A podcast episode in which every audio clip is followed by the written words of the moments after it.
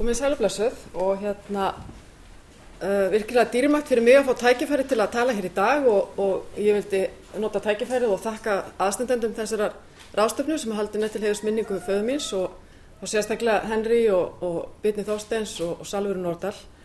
Uh, ég hérna ætla semst að lesa hér upp smá erindi þar sem ég er með nokkra vangavelda sem ég er að tengja hugmyndir föðu míns við mitt fræðarsvið sem er mentunafræði og ég ætla semst að lesa upp þenni, þetta erindi. Ég reyndar, gerir það ekki ofta að lesa upp svona erindi mín en, en, en pappi ráðlaði mér þegar ég vil eitt og ég eiginlega gati ekki annað á ráðstöfnu sem er helguð hans fræðum heldur en að fylgja því ráði og hérna og hefst nú lesturinn. Í síðasta verki föðumins, þessu hér sem að ýmsir hafa verið að vitna í og ræða um og í gær, uh, gerir hann allu á því að setja upp heilsteft heimsbyggikerfi, net hugmynda og hugtaka sem eiga að gera okkur heiminn auðskiljanlegri og aðgengilegri.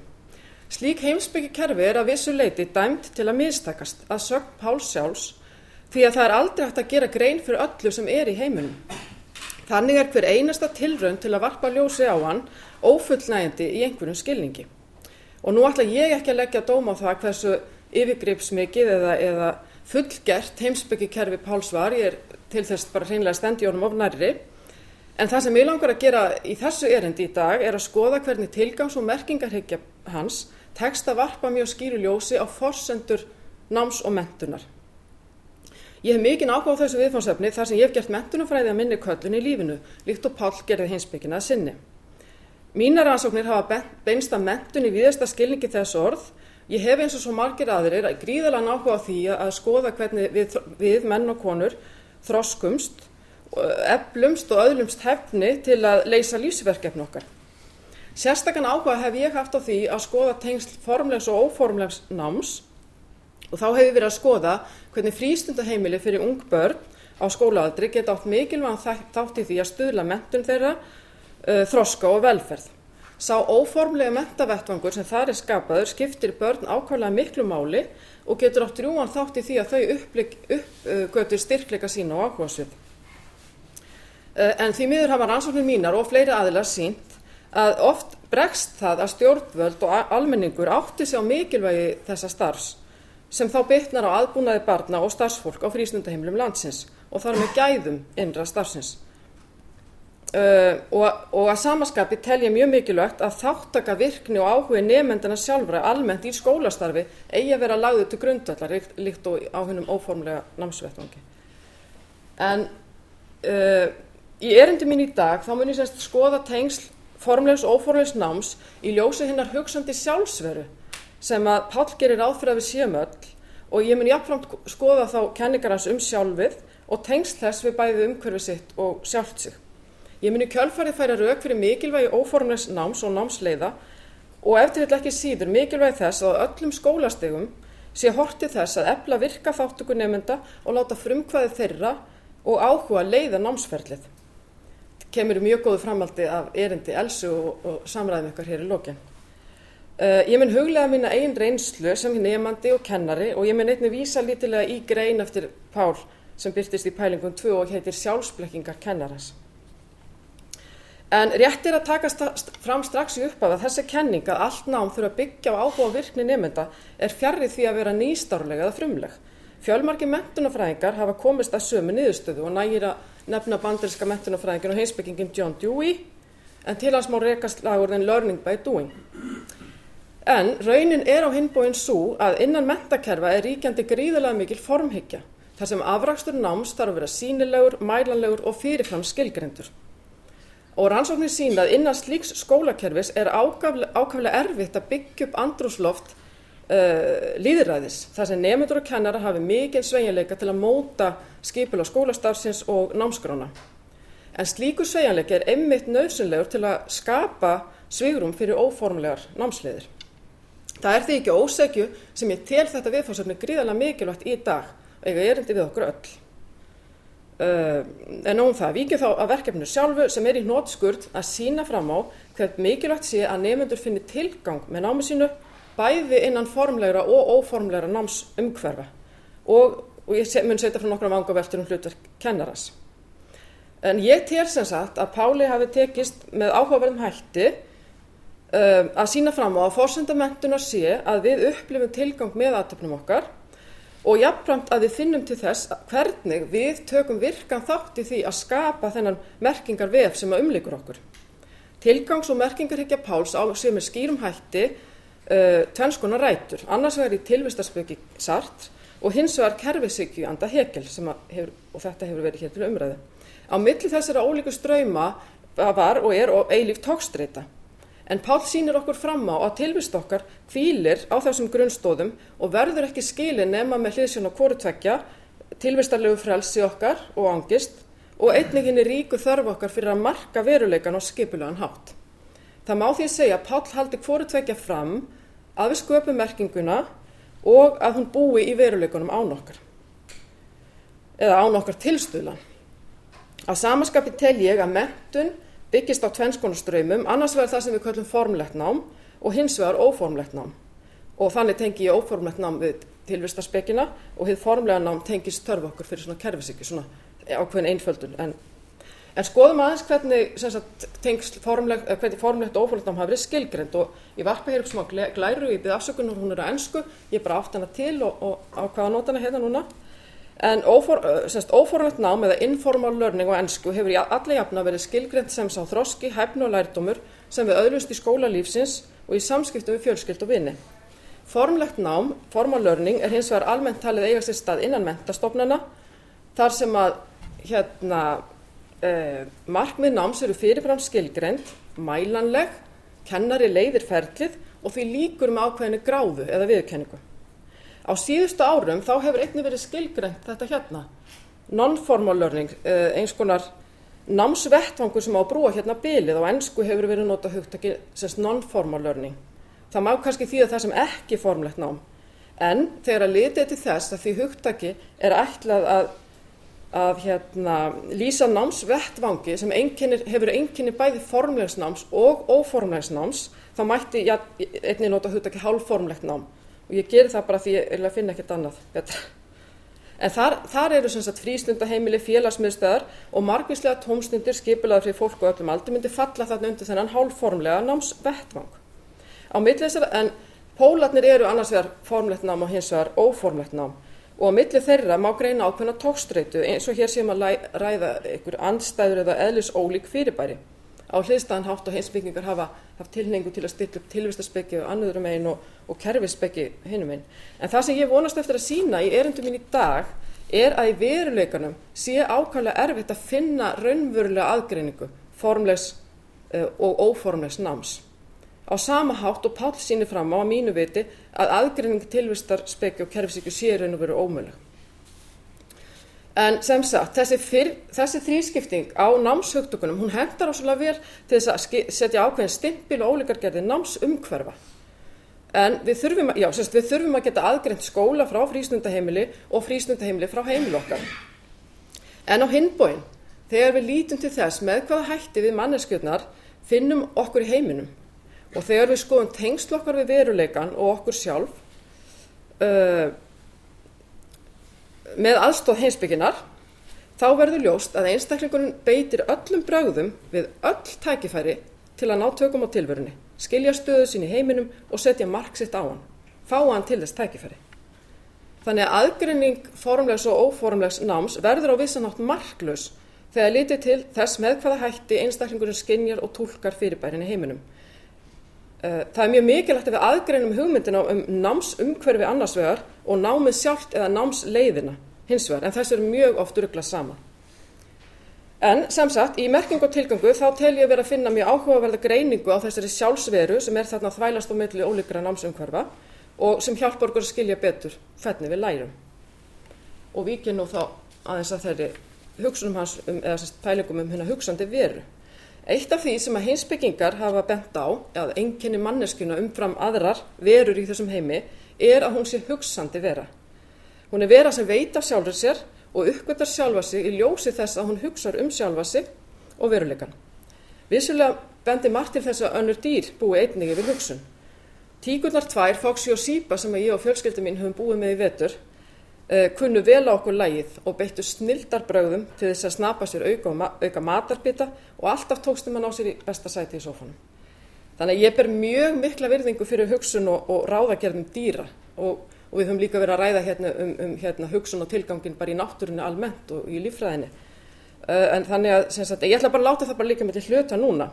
Við höfum líka einfallega miklu beitni aðgang að hugsunum okkar mannverðarana uh, en líkilatrið það að sá sem er nefandi er hugsandi vera fullkomlega án tillits til aldurs og þroska þó hugsun barna kunni hugsanlega eða líklega lúta eða einhverju leiti öðrum lögmálum heldur en hugsun okkar fullorðana og er bara allir jafna mun frumlegri og skapandi en hugsun hins, hins fullorðna. En Páll notar hugtök sart til að varpa ljósi á stöðu okkur heiminum og greinir um allir íveru og sjálfsveru. Ég, hérna, Íveran er þá veruleikin eins og hann býr í sjálfum sér, náttúran og hlutirnir, en sjálfsveran er veran sem veit af sjálfur sér og leytast við að staðsitja sig í heiminum. Og hér er tilvetnun í merking og tilgang. Megin atrið er að sérveran setur egoið eða sjálfið fram til að marka stöðu sína og tengja alla hluti og öll fyrirbæri sem hann uppgötar við eigið sjálf. Þar með er viðleikni vitundurinnar endalus merkingarsköpun eða merkingarframleiðsla sem getur tekið á sig hennar ótrúlegustu myndir. Hvað merkir það að sjálfurna sé endalösir merkingasköpun? Jú, það merkir að reynsla okkar, að við tengjum reynslu okkar af fyrirbærum við vitund okkar hugsanir og reynslu og við umbreytum merkingunni, gerum hana okkar og búum þannig á vissanhátt til okkar útgáfu af þekkingunni, merkingunni og veruleikunum. Þetta gerum við, Já, þetta gerum við, ég ætla bara aðeins að, til þess að hafa ekki tilvittin að trubla, fá því svo skemmtilega mynd, að þessi hugsun, við hugsum bæði sem einstaklingar og sem hópur og við, því að við erum félagsverður sem sköpum merkinguna saman einhver leiti og þetta gerist sí endur tekið í öllu skóla og frístundastarfi. Ég vil deila með ykkur litlu dæmi um mína reynslu skóla sem barn en ég sótti í Ísaksskóla. Þar var ég svo lánsum að Herdís Egilstóttir var kennari minn hálfan vetur. Herdís leitti okkur nefndu sína inn í það verkefni að móta okkur eigið samfélag og byggja þau frá grunni. Við þurftum að ákveða hvað við vildum heita sem þjóð, setja okkur reglur, búa til okkar eigið tungumál, búa til fána og ekki, síðast en ekki sísta þurftum við að skipta um okkur verkum í þessu samfélagi. Allar skoðanir áttu rétt á sér, þar voru rettar og, og hérna, fundin löst og, og Herdís kom fram við allar tillegur okkar að fullkominni virðingu. Þessa kennsluaðferð hefur Herdís stróað og nefnt landnámsaðferð en ef satt skal segja, og þá hún hefur skrifað gaf út bók um þessa aðferð, uh, þá veit ekki hvort það sé hægt að kenna fólki að koma fram við börn á þennan hátt. Uh, góðir kennarar virðast ekkert nefn búa yfir eðlislegri virðingu fyrir nefndu sínum og koma fram við þá sem jafning, jafningja og svona markmiði sjálfa sér og kant. En við, við gefumst ekkit upp sér hún. Við höldum áfram að reyna kenna, eða ekki, og búa, búa til góða kennara. Uh, ég hef sem sagt starfað sem háskólkennir, ég starfað við mentavistasvið á Sigrónu og ég hef starfað þar í svona, eða semst, í allt í allt, hátt, hátt í tíu ár. Ég ætlaði mér sjálfsögur aldrei að verða kennari, ég var það nú samt. En það er alltaf merkilegt að það er bara á síðustu tveimur, þreimur árum þar sem ég er umverulega verið að áttam á því mikilvægi að virka nefnendur miklu meira í námsferlinu. Og svo þegar ég hef verið að, augum mín hafa verið opnast fyrir því og þá fer ég að skoða og ég, þá finn ég, sé ég að það eru margar fyrirmyndir sem ég get lært af. Og það er mjög spennandi að einskóla sig ekki við eitt skólastig heldur, heldur líta þvert á, á skólastig og læra hvert af öðru. Þannig getur grunnskólinn lært mjög mikið af leikskólanum, uh, framhalskólinn getur lært mikið af háskólanum og öfugt. Ég kynnti mér fyrir tveimur árum sögu aðferðina sem að Björg Eiristóttir ásamt fleirum hefur þróað og nýtt, eða sem sagt hefur innleitt hér á landi. Þetta er stór skemmtilega og skapandi kennslaðferð í, landa, í svona anda landnámsaðferðar herdísar, þar sem nefndur leggjast það í ferðalag uh, með kennaran sem ákveðin örlegavald og verkstjóra. Um var að ræða þess að í mínu tilfelli nefnendur í tómstund og félagsmálafræði sem voru að læra um tómstundur og börn. Verkefni sem hún leist af höndum var að byggja upp sitt eigi frístundheimili alveg frá grunni og kynna það í loknámskeiðs fyrir mér og samnefnendum og nefnd sérfræðinga sem að mat síðan efnilegustu tillöguna. Ég sérst, vissi ekki fyrirfram hvernig þau myndu leysa verkefnið og ég hefði oft engin svör á reyðum höndum.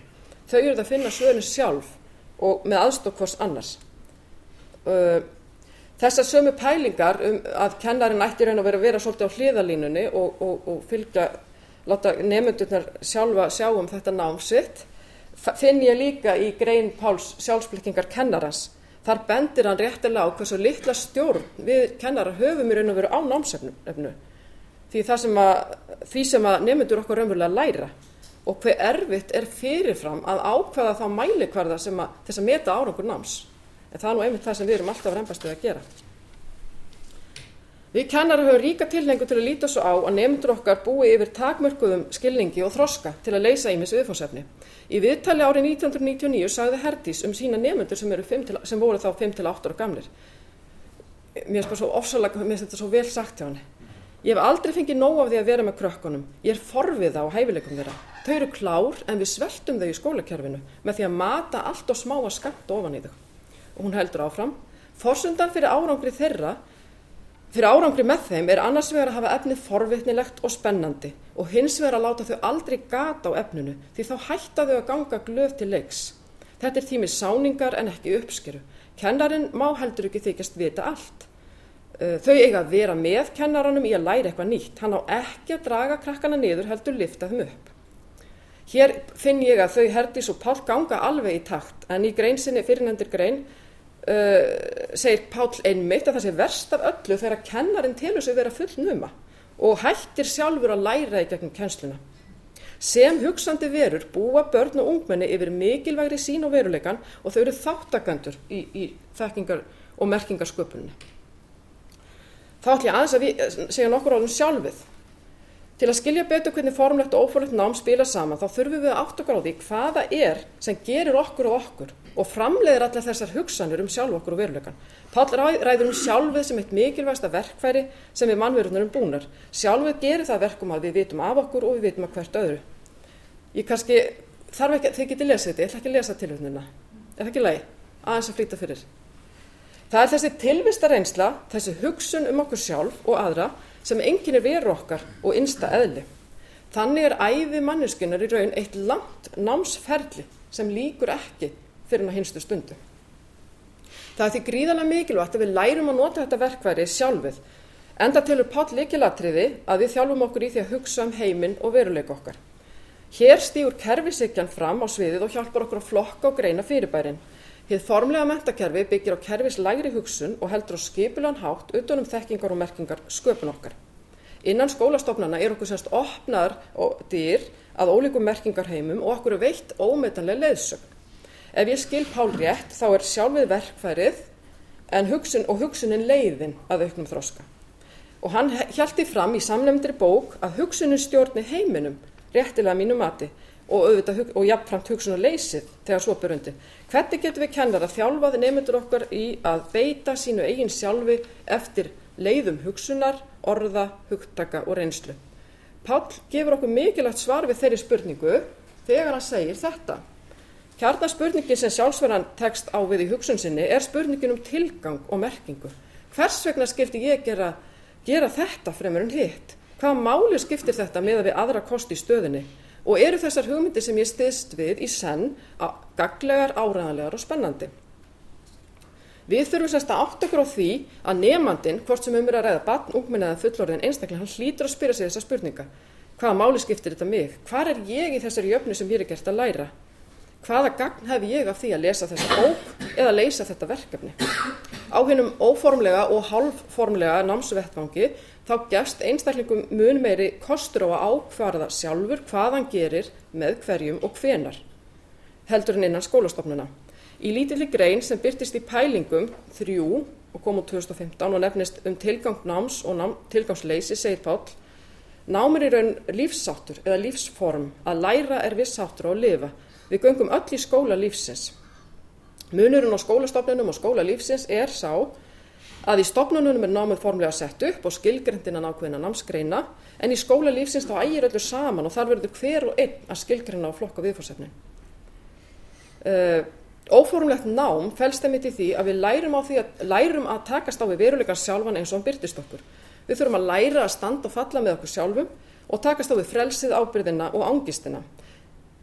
Þannig sé ég tilvistarspekina endur speklast í hinn óformlega námi sem er í raun og veru grundvallar veruform hinnar hugsandi sjálfsmeðvituðu mannesku. Þessi hugsun dregur á engan hátt úr mikilvægi formlegs námsumkörfis en minnir rækilega á nöðsum þess að innan skóla mentakerfisins sé markvis hugsun um raunveruleg markmið mentunar líkt og elsa var að kalla eftir hér áðan sem sjálfsverur manneskjur með sjálf sem búið er vitund hugsun hæfileikunum að skinja greina túlk og skapa þá felst þroski í því að virka möguleika sem búa nú þegar innra með okkur.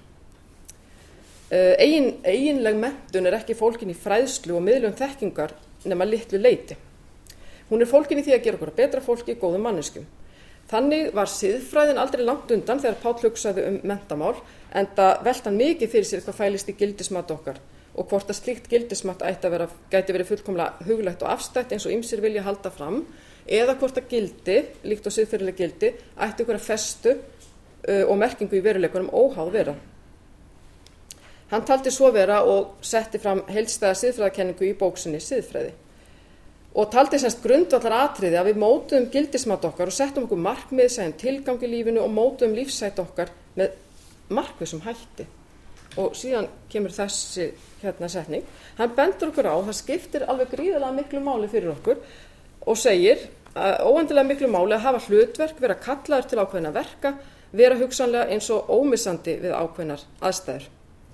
Og þetta tel ég vera líkilatriði í, í öllu uppeldistarfi skóla og frístastarfi ég ætla aðeins að stitta hérna. Og nefna það líka að ég verða að víkja því að Páll hafði nokkrar áhyggjur af upphafningu sjálfsins og sívaksandi einstaklingsíkju í nútíma samfélagi. Því það er nefnilega mikil kunst að leggja meiri áherslu á einstaklingin og sjálfháns án þess að það gangi á langt. Það er til dæmis ekki hugmyndin að nefnendur ráði alltaf öllu eða eigi, fá alltaf valum allt í, í hérna óformlegu eða semst í, í óformlegu námi. Uh, Uh, Páll taldi deinu ljósar að við mennirnir ættum að leggja áherslu á samíli lífsverkefni okkar, ræðum það sem gefur lífinu gildi og móta þannig reglur samfélagsins og benti á tilneyingu okkar til að festast í, í sagt, hugmyndum okkar. Og hér kemur tilvitnun í hann. Hinn mennska tilvera náttúrun og verulegan eru hjúpuð hugmyndum og skoðunum sem ráðast af ríkjandi hugsunarætti og að sjálf hverf hugsunar fangi sinnar eigin styrnuðu hugmynd og skoðana þannig að ég vildi bara, ég varð að taka þetta með að, að hérna, hann varur okkur aðeins við því að, sagt, að, að það er ákveðin ofvaksin einstaklingshyggja í samfélaginu. Og að lokum uh, heimsbyggis svo sem pallaði stund á og svo tilgangs og merkingarhyggja sem að þróaði með heilstæðum hætti uh, dregur upp skýra mynda þeirri sjálfsveru sem við erum öll. Mín niðurstað er svo að sem sjálfsverur uh, notum við bæði formlegar og óformlegar aðferðir við að sapna saman og greina reynslu okkar og, og tökum þátt í þessari merkingarsköpun og við verðum að finna til þess að frelsis og sjálfræðis. Uh, já. Innan frístundaheimila og félagsmiðstöða og í daglegu lífi er ásér í raun og veru stórhluti náms stað. Og þar er skapað svirum fyrir leikin sköpunina og þetta óvænta. Og þetta held ég að við verðum að færa inn í hitt formlega námsumhverfi að miklu meira leiti heldur við gerum í dag. Og og ég ætla hérna að benda á líka að því miður er það þannig að innan formleira mentastofnana þá, þá hlutir, sem þættir sem ekki er þetta að mæla greina með formlegum hætti þeir verða út undan. Og þetta myndi her, herdis líka á í þessu viðtali. Sem sagt, ef ég aðeins að lesa stutt að tilvitninu í hana. Börn búa yfir hæfileikum sem oft fá ekki að eflast í skólastofum. Hvers á barna gjalda sem býr yfir hæfileikum sem kennarar hafa engan áhuga á uh, og erfitt er að mæla. Sér hver nefandi hefur eitthvað að gefa sem aðrir hafa ekki. Hvernig er hægt að hjálpa honum að miðlega gáðu sinni?